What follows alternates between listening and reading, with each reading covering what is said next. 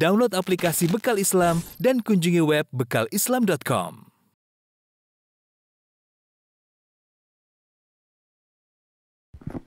Bismillahirrahmanirrahim. Assalamualaikum warahmatullahi wabarakatuh. Alhamdulillahi ala ihsanih wa syukru lahu ala taufiqihi wa amtinanih wa asyhadu an la ilaha illallah wahdahu la syarika lahu ta'zima li sya'nih wa asyhadu anna muhammadan abduhu wa rasuluhu da'ila ridwanih Allahumma salli alaihi wa ala alihi wa ashabihi wa ikhwani hadirin dan hadirat yang dirahmati oleh Allah Subhanahu wa taala kita lanjutkan bahasan kita dari syarah uh, Al-Aqidah Al-Wasithiyah karya Syekhul Islam Ibn Taimiyah rahimahullahu taala uh, kita masih membahas tentang sifat al-istiwa alal arsh. Di antara sifat-sifat Allah fi'liyah adalah Allah beristiwa di atas arsh. Pada pertemuan kemarin telah kita bahas tentang al-arsh dan hal-hal yang berkaitan dengannya.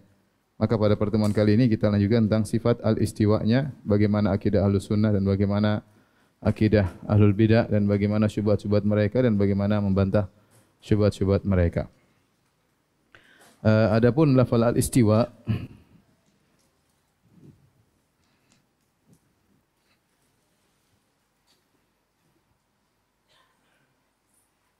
istiwa ya, dalilnya dari Al-Qur'an. Kemudian sunnah. Adapun Al-Qur'an ada tiga model ya. Thumma stawa alal arsh. Kemudian ada ayat yang lain ar-rahmanu alal arsh istawa'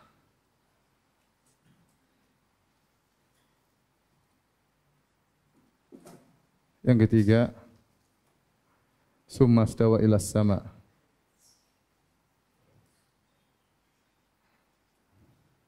ini tiga model Semesta wal arsh ini enam enam ayat. Kemudian ini satu ayat dalam surat Toha, ya. Satu ayat dalam surat Toha.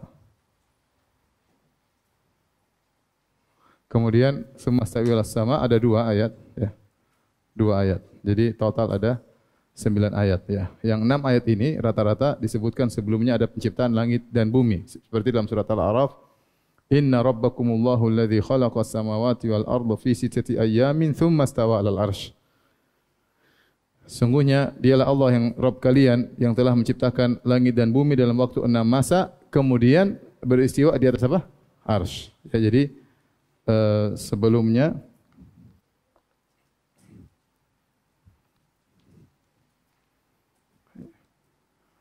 sebelumnya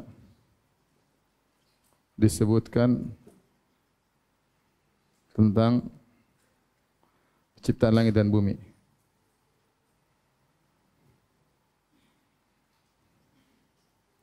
Dan bumi lalu Allah beristiwa.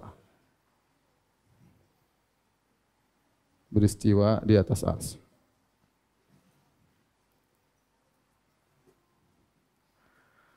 Adapun sunnah Nabi wasallam di antaranya uh, sabda Nabi wasallam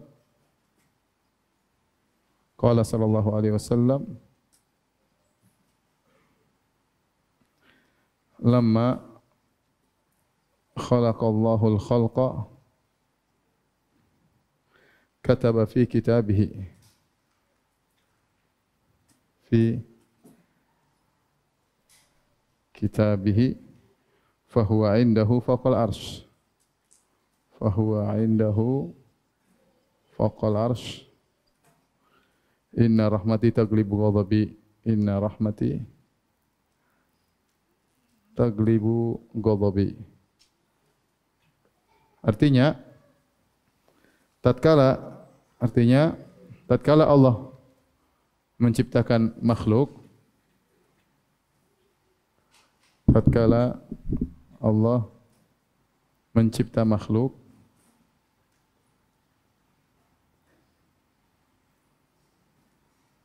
Kata fi kitabih, Allah menulis di catatannya. Allah menulis di kitabnya.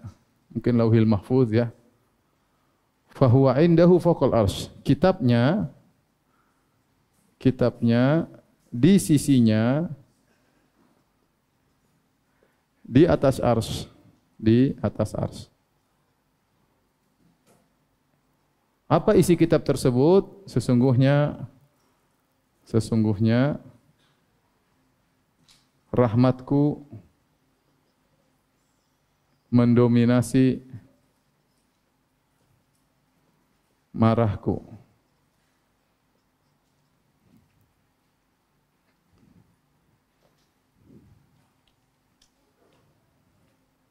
sungguhnya uh, jadi Allah, Allah, Nabi menyebutkan ketika Allah menciptakan makhluk, Allah menulis dalam catatannya Lauhil Mahfuz.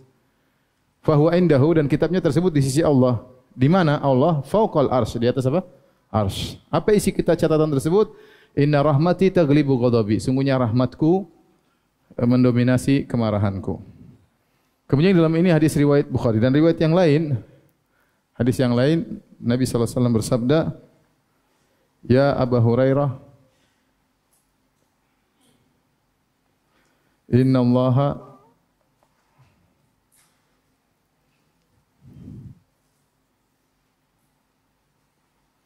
Inna Allah khalaqa as-samawati.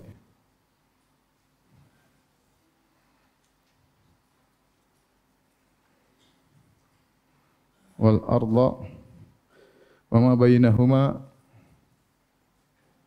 fi sittati ayyam. Thumma istawa 'ala al-'arsh yawm sabi' Hadis riwayat Nasa'i dan disahihkan Al-Albani ya An-Nasa'i wa sahahahu Al-Albani Artinya Nabi berkata, "Wahai Abu Hurairah, sungguhnya Allah menciptakan langit dan bumi, wa ma bainahuma dan apa yang di antara keduanya dalam waktu enam masa. Kemudian Allah bersiwa di atas ars di hari yang ketujuh." Hadis riwayat Nasai. Ini antara dalil-dalil ya uh, yang menunjukkan tentang sifat istiwa. Perhatikan di sini. Adapun di sini istiwa di atas langit ya. Istiwa berkaitan dengan langit.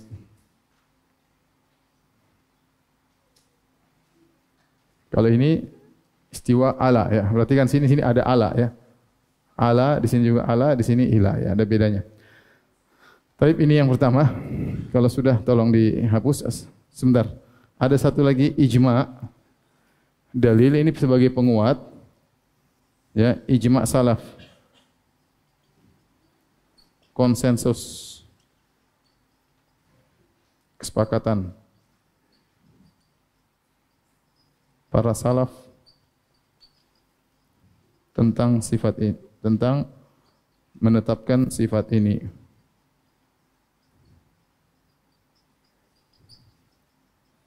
Menyelisihi ahlul bidah.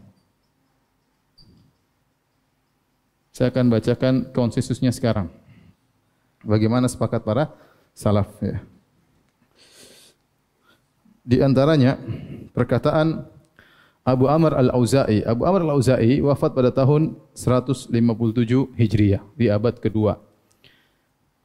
Jadi dia berkata, "Kunna wa tabi'un mutawafirun." Naqul kami dan para tabi'in masih banyak. Naqul kami berkata, "Inna Allah Ta'ala dzikruhu fawqa arsyihi." Sungguhnya Allah Subhanahu wa taala yang maha tinggi fawqa arsyihi berada di atas apa? Arsy-Nya.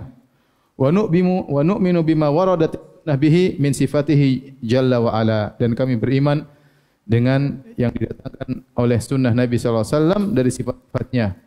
Sini perhatikan dia mengatakan kami dan para tabi'in masih banyak dan kami semua berkata Allah di atas apa? Arsh dan kami beriman dengan sunnah yang membawakan hadis-hadis Nabi tentang sifat-sifat Allah Subhanahu wa taala. Jadi ijma' kami dulu semuanya mengatakan demikian. Kami dan para tabi'in masih banyak. Berarti di zaman salaf. Kemudian juga perkataan Kutaibah bin Sa'id, dia ada wafat tahun 204 Hijriah. Kutaibah bin Sa'id wafat tahun 204 Hijriah, beliau berkata, "Hadza qaulul a'immati fil Islam was sunnati wal jamaah." Ini adalah akidahnya para imam dalam Islam dan akidahnya Ahlussunnah wal Jamaah. Na'rifu rabbana fis sama'i sabi'ah. Kami mengetahui Rabb kami di langit yang ketujuh. Ala arsyihi, di atas apa? Arsy. Kami mengetahui Rabb kami di atas langit yang ketujuh di atas apa? Arsh. Kama qala Ar-Rahmanu 'alal arsy istawa. Allah di atas arsy beristiwa.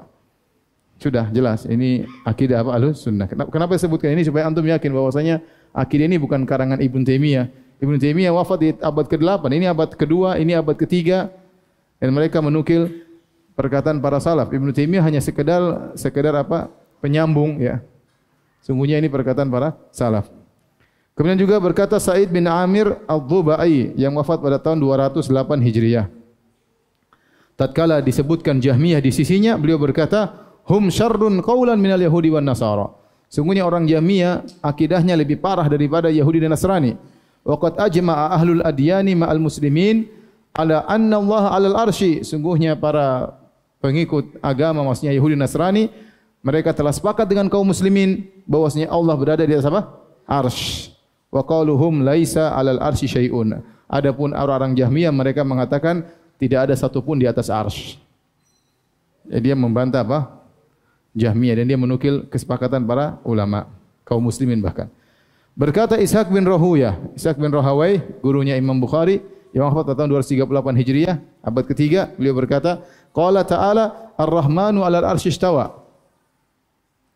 Kemudian dia berkata, ijma'u ahli ilmi annahu fawqal arsy istawa.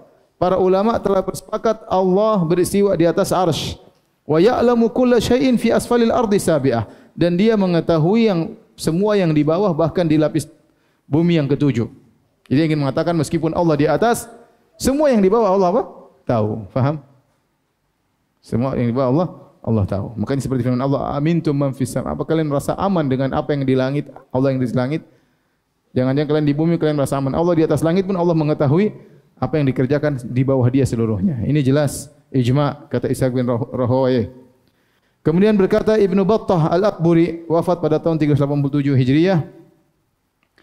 Wa ajma al-muslimun wa sahabatu wa tabi wa tabi'un ya bahwasanya wa ajma al-muslimuna min sahabati wa tabi'in kaum muslimin telah ijma dari kalangan sahabat dari kalangan tabi'in wa jami ahli ilmi minal mu'min dan seluruh ulama dari kaum mukminin anna Allah taala ala arsyihi fawqa samawatihi. Allah berada di atas arsy-Nya di atas langit. Ba'inun min khalqihi terpisah dari makhluknya.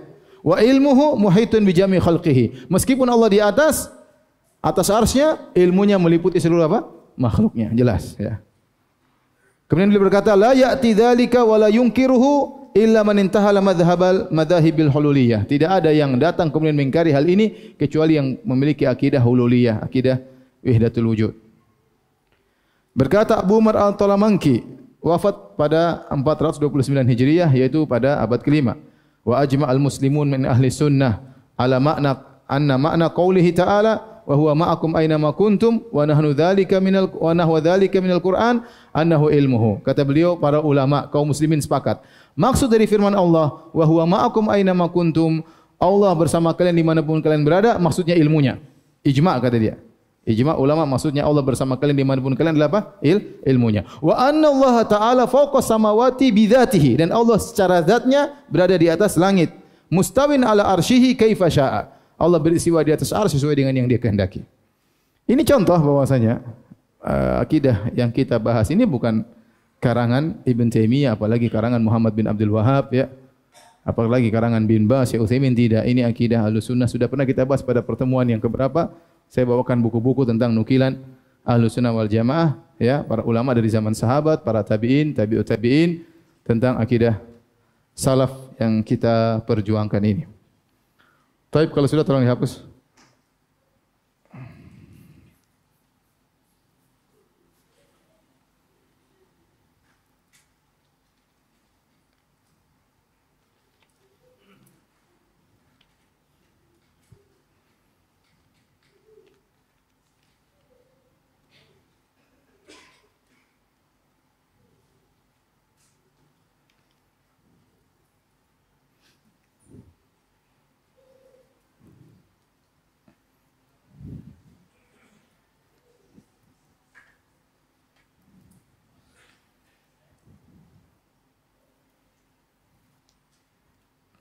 Al-istiwa laflu lafaz istiwa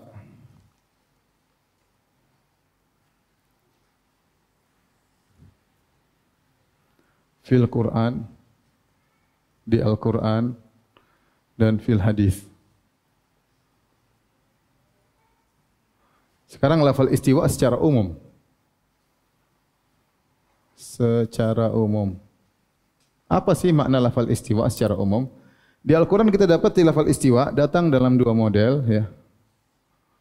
Pertama datang dalam mutlakon.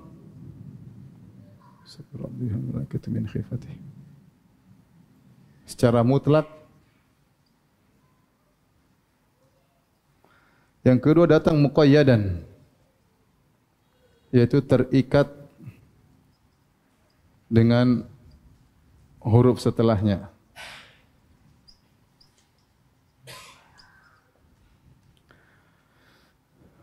Uh, adapun secara mutlak yaitu tidak terikat dengan huruf apapun.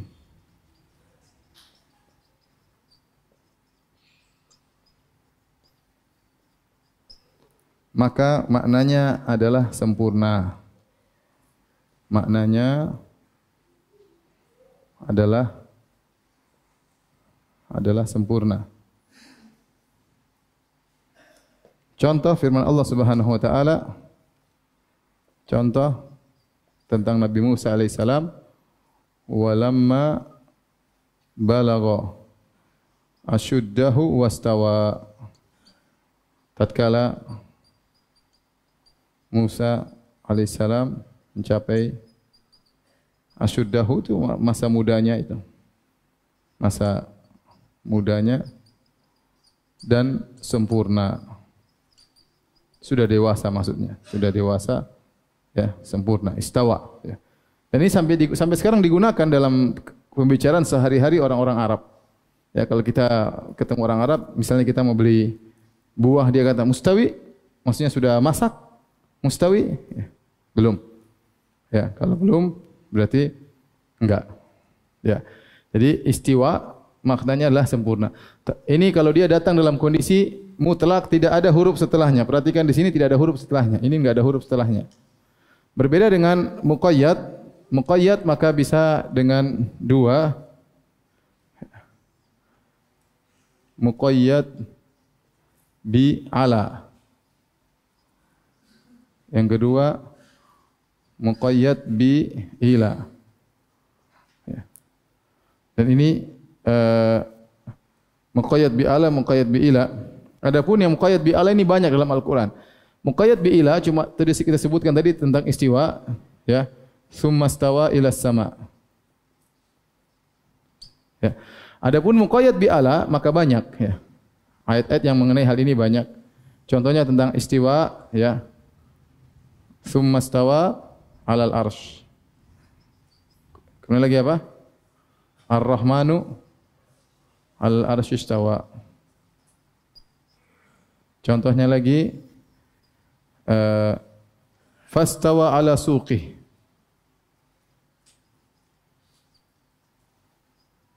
Allah berfirman tentang uh, perumpamaan para sahabat kata Allah ya kazar in akhraja syata'ahu fa'azarahu fastagladha fastawa ala suqih. Para sahabat itu seperti tumbuhan yang tumbuh kemudian dia kuat fastawa ala suqih kemudian kokoh di atas pokoknya, di atas suqih di atas apa? akarnya. Kemudian juga firman Allah Subhanahu wa taala misalnya wastawat alal judi maka uh, kapalnya Nabi Nuh istawat alal judi yaitu di atas gunung al judi di atas gunung apa? Al judi kemudian contohnya lagi firman Allah Subhanahu wa taala uh, litastawu ala zuhurihi. Litastawu ala zuhurihi. Thumma ya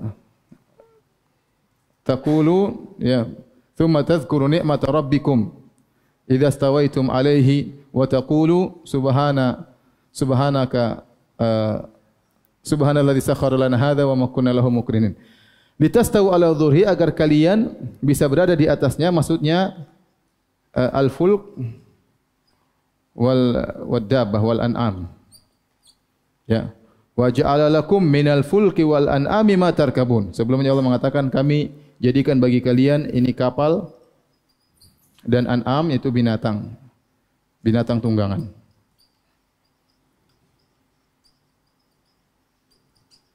Contoh lagi dalam Al-Quran, Allah berfirman tentang Nabi Nuh. Kata Allah Subhanahu Wa Taala, "Fa'idha stawaita anta, faman ma'aka, alal fulqi, faqulil hamdulillah, alladhi najjana." Ya. Kata Allah Subhanahu Wa Taala, jika engkau wahai Nuh dan orang-orang bersama engkau sudah istiwa di atas kapal. Perhatikan di sini. Uh, ini lafal istiwa dalam Al-Quran. Kalau kita perhatikan, makna istiwa semuanya maknanya apa? Di atas. Apa? Di atas. Coba. Wastawat alal judi. Maka kapal Nabi Nuh berada di atas apa? Al-judi. Tapi dia bukan cuma sekedar semal istiqrar di atas dan tenang di atas apa? Gunung Al-Judi. Ya, fastawa ala suqihi, maka pohon tersebut kokoh di atas apa? Akarnya. Ar-Rahman ala arsyawa, Allah berada di arsy. Distastawu ala zuhurihi. Ya. Wa ja'alakum minal fulki wal an'ami ma tarkabun litastawu ala zuhurihi. Allah menciptakan bagi kalian kapal dan dari kapal dan dari hewan-hewan yang bisa kalian tunggangi agar kalian istiwa berada di atas apa? pundaknya, di atas punggung kapal atau punggung hewan. Berarti ala istiwa artinya apa? Ala. Demikian juga jika engkau dan wahai Nuh alaihissalam, jika engkau dan para pengikutmu sudah berada di atas kapal, ya, istawa maksudnya di atas apa? Kapal. Jadi istawa ala, istawa ala artinya di atas. Istawa ala artinya di atas. Adapun istawa ila, maka ini kebanyakan di artinya juga ala wartafa'a sama aja. Ala wartafa'a sama maknanya di atas juga. Adapun dalam hadis banyak, dalam banyak hadis, dalam hadis Rasulullah sallallahu alaihi wasallam utia bidabah Rasulullah SAW mendatangkan uh, seekor hewan liar kabaha ya falamma wada'a rijlahu fir rikab qala bismillah falamma stawa ala dhahriha tatkala nabi sudah istawa ala dhahriha istawa ala dhahriha qala alhamdulillah. Sini tatkala nabi berada di atas istawa ala artinya apa? Di atas punggung tunggangan. Di atas punggung hewan tunggangan dan hadis-hadis banyak dalam makna seperti ini ada beberapa hadis. Hatta idza stawa ala zahrihi. Ya sampai ketika nabi sudah berada di atas pundaknya pundak hewan tersebut. Inilah lafal istiwa dalam Al-Qur'anul Karim dan juga dalam hadis Nabi sallallahu alaihi wasallam. Ya kalau kita lihat maka yang sedang kita bahas adalah istawa ala. Istawa ala. Ini yang sedang kita bahas bukan hanya sekedar istawa tapi istawa apa ala ya karena sebagian orang yang mengatakan istawa itu maknanya banyak.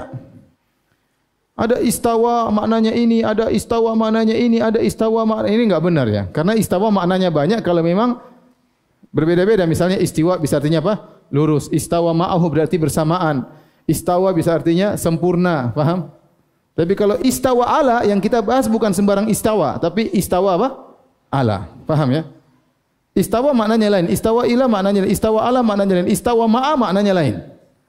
Yang kita bahas bukan istawa semua, tapi cuma apa? Istawa ala, itu yang sedang kita bahas. Ini, istawa ala. Karena itu yang berkaitan dengan sifat Allah subhanahu wa ta'ala. Thumma istawa ala al-arsh, ar-rahmanu ala al-arsh istawa, maka maknanya secara umum adalah ala. Taib. Kita bahas sekarang ma'anil istiwa.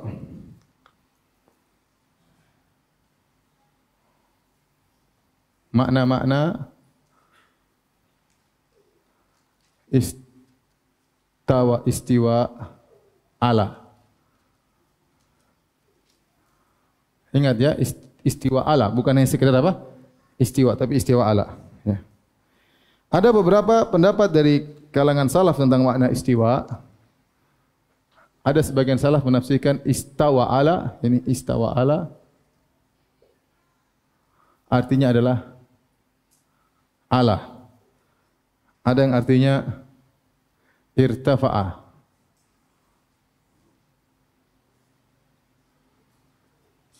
Ada artinya istaqarra. Ada nama artinya soada ya. Ala artinya di atas. Irtafa juga artinya meninggi, meninggi di atas. Artinya lebih tinggi daripada langit, daripada ars. Lebih tinggi. Ya. Di atas ars, ya. Istaqarra artinya menetap. Naik ya. Soada naik ya. Uh, Adapun makna irtafa'a maka ini adalah pendapat jumhur ulama aktsarul mufassirin. Jumhur ahli tafsir. Di antaranya Ibnu Abbas radhiyallahu anhu. Kemudian di antaranya ya uh, Abul Aliyah. Abul Aliyah ini ya di zaman Nabi sallallahu alaihi wasallam tapi dia masuk Islam di zaman Abu Bakar tapi dia bertemu dengan zaman Nabi masuk Islam di zaman Abu Bakar. Kemudian Hasan Al Basri.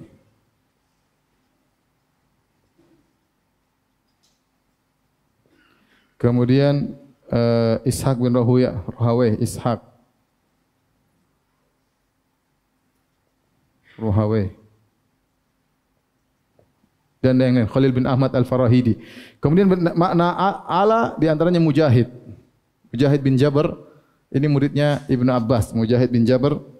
Kemudian uh, Ibnu Jarir atau Bari.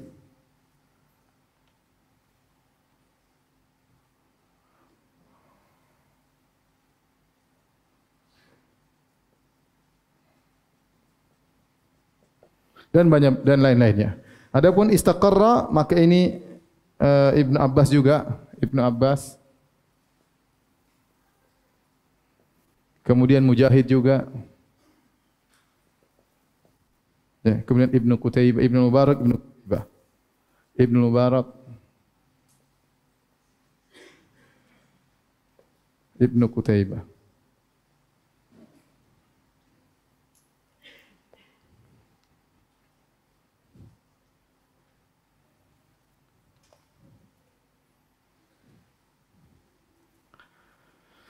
Adapun ini diriwayatkan, diriwayatkan dari Ibnu Abbas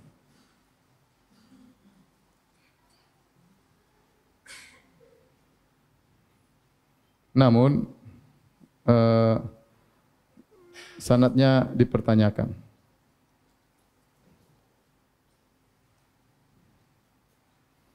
Intinya inilah makna istawa ala secara umum kita condong pada tiga makna ini tidak ada pertentangan, mau dimanakan Allah atau meninggi di atasnya atau menetap, ya maka itulah sifat istawa. Ya. Allah beristiwa di atas arsh. Ya.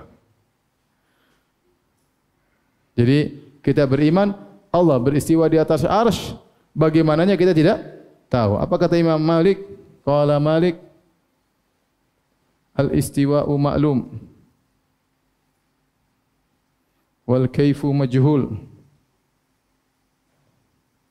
Wal imanu bihi wajib. Wasu'alu anhu bid'ah.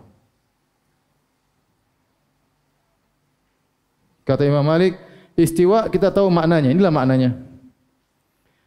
Al kaifu majhul bagaimananya tidak ada yang tahu. Ya bagaimananya tidak ada yang tahu. Bagaimananya tidak diketahui Al imanu bihi wajib iman kepadanya hukumnya apa? Wajib. Bertanya tentangnya adalah bid bid'ah. Waktu itu Imam Malik lagi kasih ceramah atau ada yang datang kemudian bertanya Imam Malik kemudian berkeringat. Dia diam sebentar kemudian dia berkeringat kemudian dia jawab kemudian dia mengatakan keluarkan orang ini ahlul bid'ah ini dari majelisku ya. Dia tidak menyangka ada yang bertanya tentang ya Imam Malik bagaimana Allah beristiwa. Kita enggak tahu. Karena kalau antum ingin tahu Allah beristiwa, antum harus tahu bisa bayangkan ars seperti apa, Allah seperti apa, baru antum bisa bayangkan Allah beristiwa di atas ars seperti apa. Ya. Sementara zat Allah antum tidak tahu. Kalau antum tidak tahu zat Allah, antum tidak akan bakalan tahu bagaimana cara beristiwa Allah di atas apa? Arsy. Kita aja langit kita enggak tahu ya. Enggak tahu bagaimana bentuk aslinya kita enggak tahu. Apalagi arsy. Cuma dapat kabar-kabar tapi bagaimananya atasnya seperti apa, bentuknya seperti apa, zatnya apa kita enggak tahu arsy. Nah, bagaimana Anda bisa bayangkan Allah beristiwa di atas arsy? Dan kita tahu namanya istiwa berbeda-beda. Lihat, ya. istiwa berbeda-beda.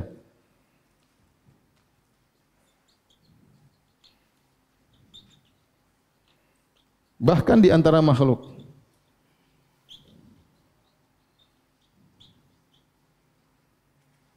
Tergantung atas dan di bawah. Atas dan di bawah. Dan di bawahnya. Contoh ya. Saya tadi bilang kalau ingin tahu Allah bagaimana beristiwa arsy, antum harus tahu Allah bagaimana arsy bagaimana dan dua-duanya antum tidak tidak tahu. Contoh sini sekarang kita lihat. Allah sebutkan dalam Al-Qur'an banyak istiwa. Ada istiwa di atas kapal. Paham? Ada istiwa di atas apa? Hewan. Apakah sama istiwa di atas kapal dengan istiwa di atas hewan? Beda. Sekarang yang di atasnya sama, sama-sama manusia. Paham? Tapi bawahnya beda. Satu bawahnya kapal, satu bawahnya apa? Hewan. Jadi beda enggak? Beda. Sekarang wastawat alal judi. Kapal beristiwa di atas gunung. Atasnya beda lagi. Sekarang atasnya apa? Kapal bawahnya apa? Gunung. Tidak sama dengan istiwa ini.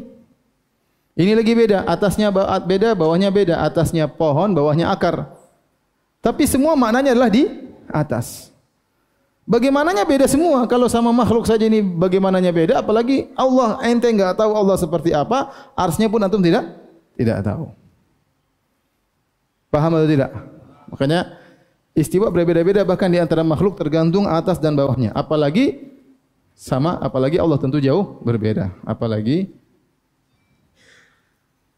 antara makhluk dan khalik tentu berbeda.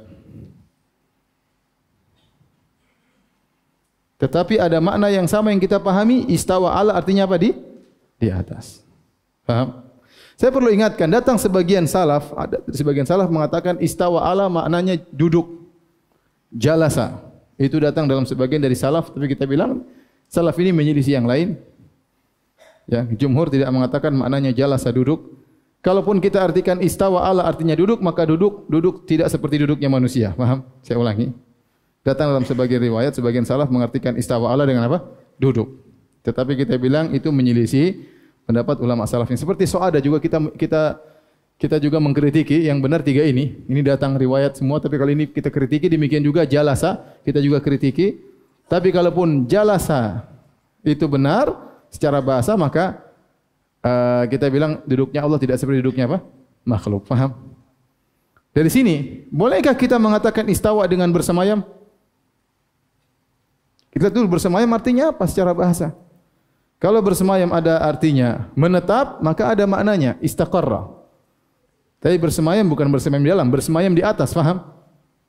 Jadi bersemayam itu maknanya menetap. Di antara bahasa Indonesia bersemayam artinya apa? Menetap. Tapi kalau artinya menetap di dalam tentu tidak boleh. Tapi kalau menetap di atas maka itulah apa? Istawa. Faham ya?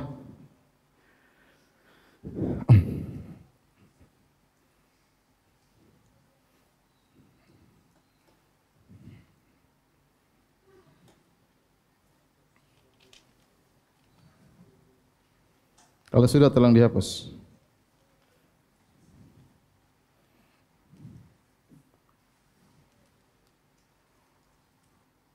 Makna al-istiwa inda ahli al-bid'ah al-mukhalifin. Makna istiwa menurut mereka yang menyim mereka yang menyimpang. Secara umum ada tiga metode penyimpangan dalam hal ini. Ya. Yang pertama dengan tasbih. Ini ada pendapat menyerupakan. Ada pendapat al-Hishamiyah Al-Hishamiyah wa Al-Karramiyah. Pengikut Muhammad bin Karram. Kemudian yang kedua adalah tafwid menyerahkan maknanya kepada Allah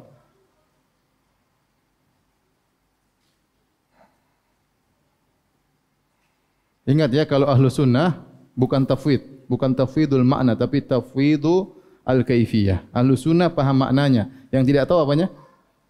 Bagaimananya. Adapun mufawwidah mereka mengatakan maknanya pun kami tidak tahu. Ini pendapat Al-Baihaqi dalam kitabnya Al-I'tiqad dan salah satu pendapat Ar-Razi. Ar-Razi, Fakhrul Razi. Kemudian yang ketiga adalah takwil. Mentakwil. Itu menafsirkan makna istiwa dengan tafsiran yang salah. Keliru.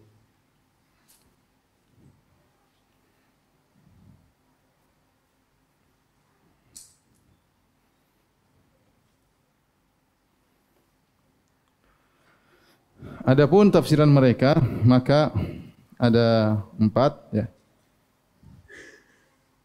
Yang pertama ditafsirkan dengan al-istila itu istaula. Istaula itu fiilnya, istilah masdarnya ya.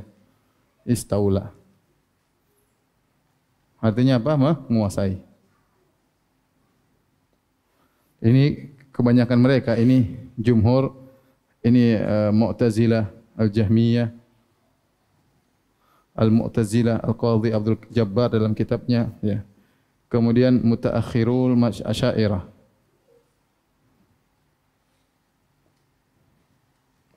seperti al-amidi kal-amidi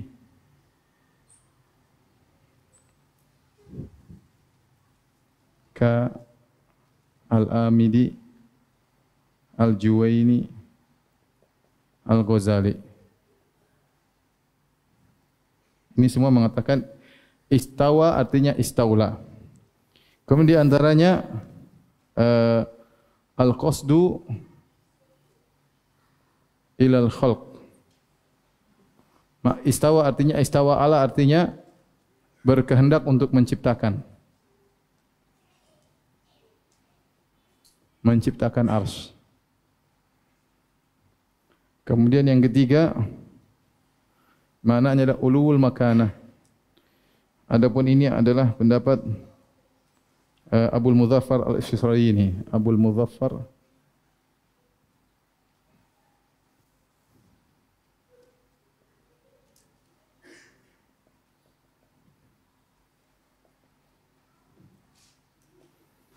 Kemudian yang berikutnya ulul makanah. Dan ini adalah pendapat uh, Abu Ja'far As-Samnani.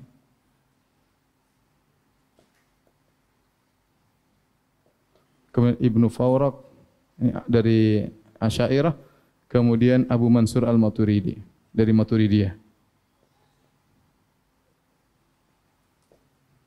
Yang terakhir ulul makanah itu maksudnya kedudukan. Kemudian yang terakhir adalah fi'lun yaf'aluhu Rabb fil arsh yaitu Allah menciptakan sesuatu di arsh di arsh yang ciptaan tersebut namanya istiwa. Namanya istiwa.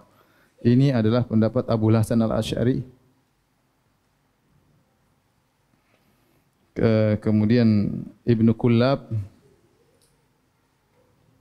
Kemudian Al-Baqillani, Al-Baqillani, Al-Qolanisi. Al-Qolanisi. Taib ini hadirin dan hadirat Allah Subhanahu wa taala uh, pendapat orang-orang menyimpang tentang istiwa. Adapun tafwid kata mereka kita enggak tahu maknanya. Allah istiwa, istiwa enggak ngerti maknanya dan ini tentu tidak benar. Adapun Hisyamiyah dan Karamiyah, mereka berpendapat mereka berpendapat Allah di atas arsy hanya saja mereka membagaimanakan mereka membagaimanakan mereka membagaimanakan contoh perkataan mereka mereka mengatakan bahwasanya ars penuh ditempelin oleh Allah misalnya mereka membagaimanakan tapi bilang mereka bilang Allah di atas ars tapi bagaimananya mereka membagaimanakan ini tidak boleh tasbih kata mereka Allah hanya memenuhi sebagian ars karena Allah lebih besar daripada Arsh, ya pokoknya begitulah. Jadi mereka mengatakan ini kita enggak boleh seperti ini karena kita enggak tahu ilmunya. Hal yang gaib ya. Tapi dari satu sisi mereka benar, mereka Allah di atas, dari sisi lain mereka salah. Paham? Jadi dari satu sisi mereka benar. Sisi yang mana? Bahwasanya Allah di atas. Dari sisi lain salah. Karena membagaimanakan, menyerupakan menyerupakan yaitu Allah.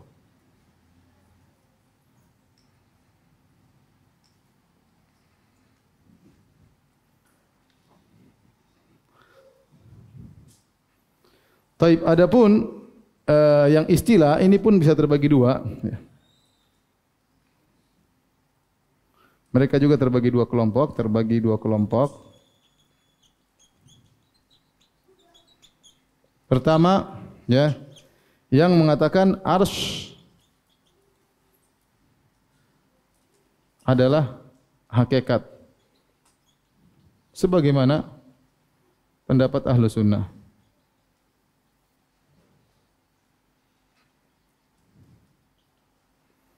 Kemudian yang kedua mengatakan ars sama dengan al-mulk, kekuasaan. Arsh hanya hanya majas. Ini pendapat Al-Baghdadi Abdul Qahir Al-Baghdadi adapun ini yang yang lainnya.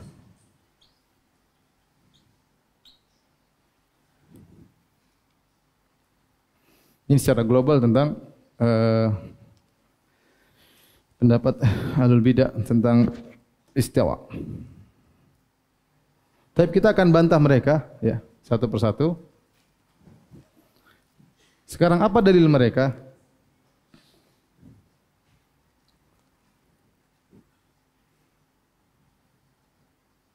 Dalil mereka.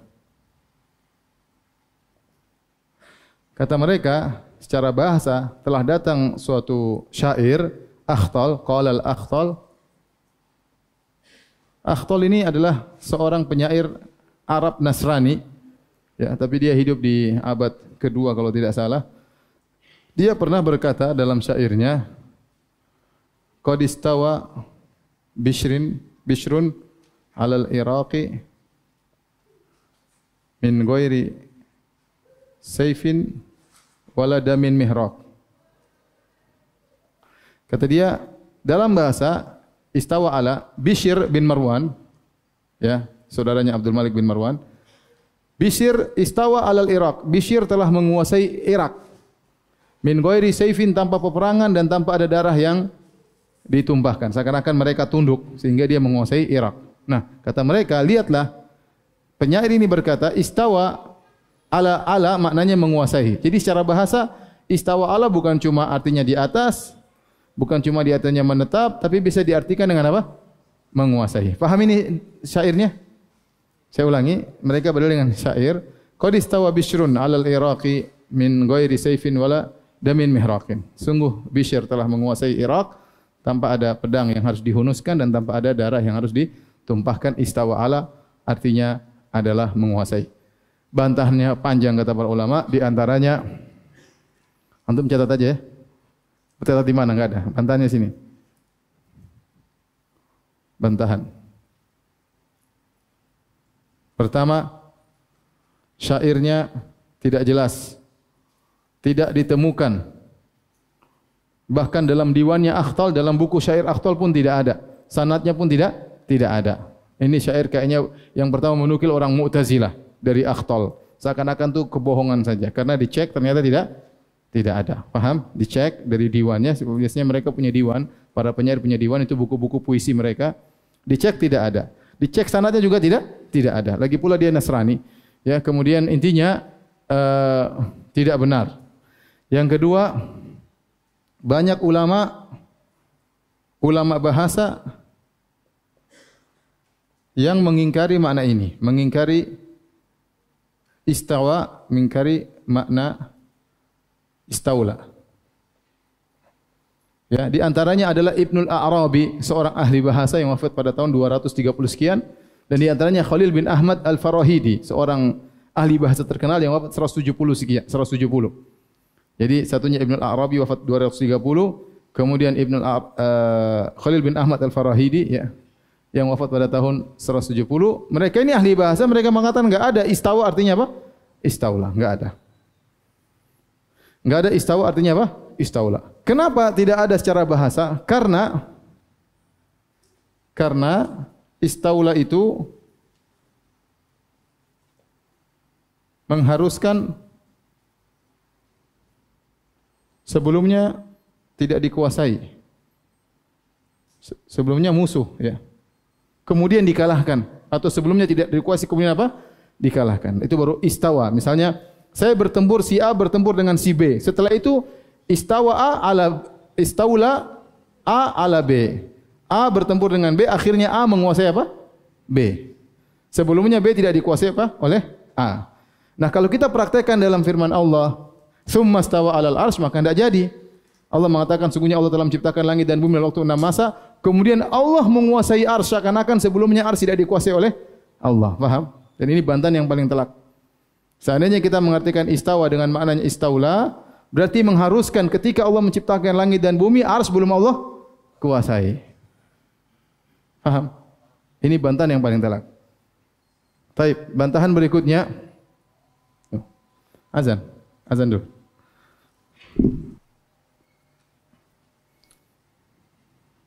Ini dalil mereka yang pertama ya. Tapi bantahannya ya, pertama saya ini tidak jelas, yang kedua banyak ulama bahasa yang mengingkari Ibnu Al-Arabi dan Khalil bin Ahmad Al-Farahidi.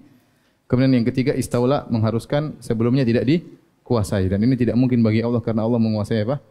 Uh, semuanya. Kemudian bantahan yang keempat ya. Dalam Al-Qur'an dan sunnah biasanya istawa ala maknanya di atas. Atas bukan menguasai. Ya bukan menguasai. Karenanya kita ikut kebiasaan Quran karenanya kita ikut kebiasaan Quran. Al-Quran. Maksud saya, istawa ala kebanyakan dalam Al-Quran selain berbicara tentang ayat sifat, semuanya maknanya di atas. Tadi, wastawat alal judi, apa namanya? Perahunya Nabi Nuh di atas apa? Di atas mohon. Kemudian agar listah tahu ala zuhurihi, agar kau berada di atas apa? Uh, pundak hewan, pundak onta. Kemudian faidah tawaita anta alal fulki tatkala engkau Paman ma'aka alal fulki kalau berada di atas apa? kapal. Jadi semua maknanya apa? Di atas. Kemudian fastawa ala suqihi dan batangnya berada di atas apa? akarnya. Semuanya maknanya di atas. Kenapa tiba-tiba kau bilang ini menguasai? Artinya menguasai. Kita kalau tatkala memahami Al-Qur'an, kita biasanya mengikuti kebiasaan apa? Al-Qur'an. Tidak ada ayat-ayat tersebut yang diartikan dengan menguasai. Coba kita artikan istawa ala artinya menguasai semuanya. Contoh. Wastawat alal judi, jadilah kapal Nabi Nuh menguasai gunung judi. Nyambung tidak? Enggak nyambung. Ya. Jadilah batang pohon fastau ala suqih menguasai apa? Akar pohon. Enggak nyambung. Jadilah Nabi Nuh menguasai kapal. Tidak, dia tidak kuasai maksudnya di di atas ya. Tidak. Kemudian jadilah Rasulullah wasallam menguasai atas ontanya. Sebelum Nabi naik pun Nabi sudah menguasai apa? Ontanya. Paham? Jadi maksud saya ini ini cara bantahan yang lain bahwasanya kebiasaan Al-Qur'an istawa ala itu maknanya apa? Di atas. Ya, kita ikut kebiasaan itu aja. Ngapain ente ikut tidak yang bukan merupakan kebiasaan Al-Qur'an? Paham atau tidak di sini, ikhwan? Paham ya? Taib, ini dalil pertama. Dalil kedua,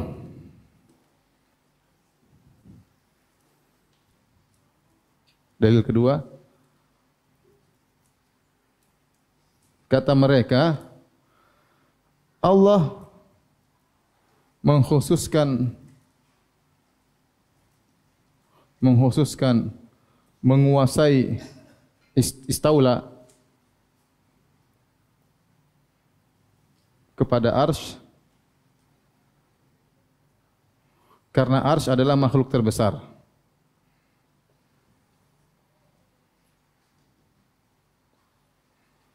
Ini kenapa mereka bantah begini? Karena Ahlu Sunnah mengatakan kalau Allah menguasai, ya ini bantahan kelima, empat, lima.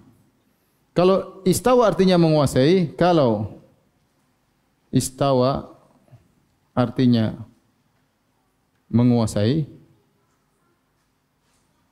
maka kita boleh kita boleh mengatakan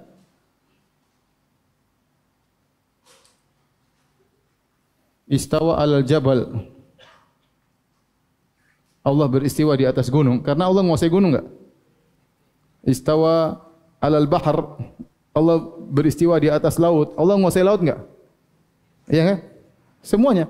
Istawa ala Indonesia misalnya. Indonesia dikuasai Allah enggak?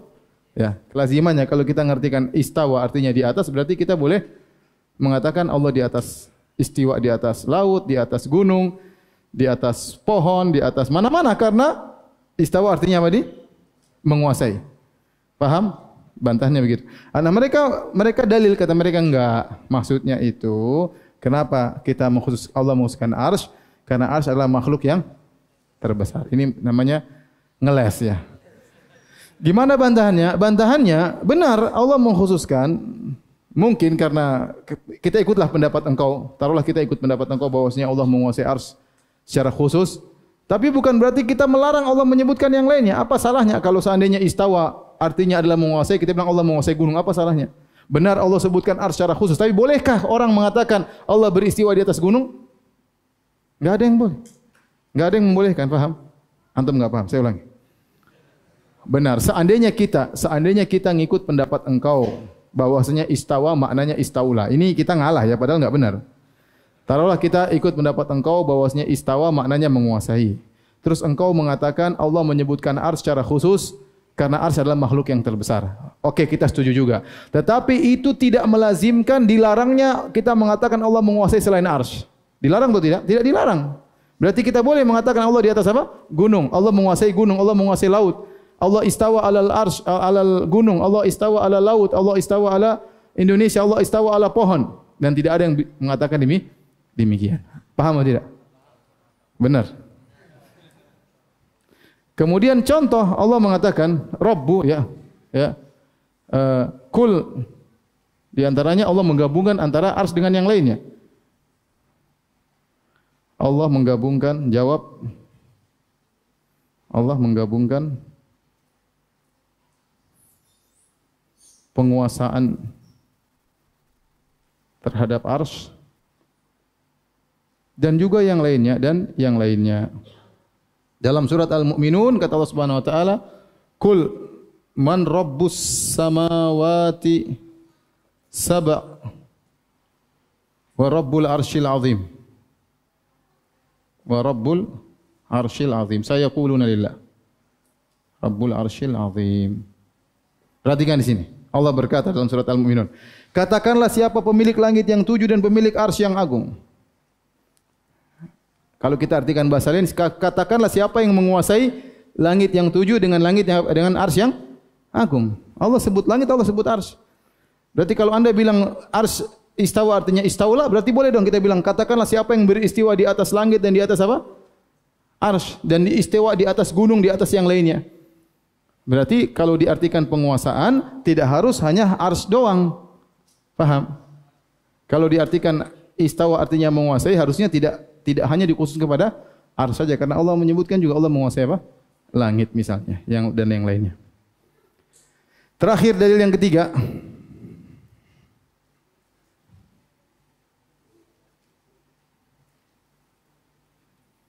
Yang sering kita sampaikan kata mereka kalau Allah kalau Allah di atas ars Allah lebih kecil kecil dari ars Allah membutuhkan ars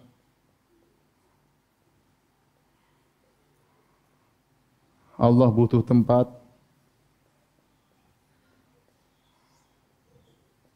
Dan lain-lain. Allah jisim dan lain-lainnya. Ini sudah sering kita bantah bahwasanya bantahannya mudah. Tidak semua yang di atas berarti lebih kecil daripada yang di bawah. Dan tidak semua yang di atas butuh kepada yang di bawah. Saya sering sampaikan tadi, langit lebih tinggi daripada bumi. Dan ternyata langit lebih luas daripada bumi. Faham? Langit di atas bumi. Dan langit tidak butuh dengan apa? Bumi. Langit tidak butuh kepada bumi. Kalau antara makhluk dengan makhluk saja tidak lazim, apalagi antara khalik dengan apa? Makhluk. Allah di atas ars bukan berarti Allah butuh kepada ars. Allah di atas ars bukan berarti Allah lebih kecil daripada arsh. Ya, tapi semua itu kecil bagi Allah Subhanahu wa taala ya. Ini kira-kira yang berkaitan dengan sifat al-istiwa yang harus kita imani ya dan ini salah satu sifat fi'liyah ya. Allah lakukan yang Allah kehendaki. Di antaranya Allah beristiwa di atas arsh.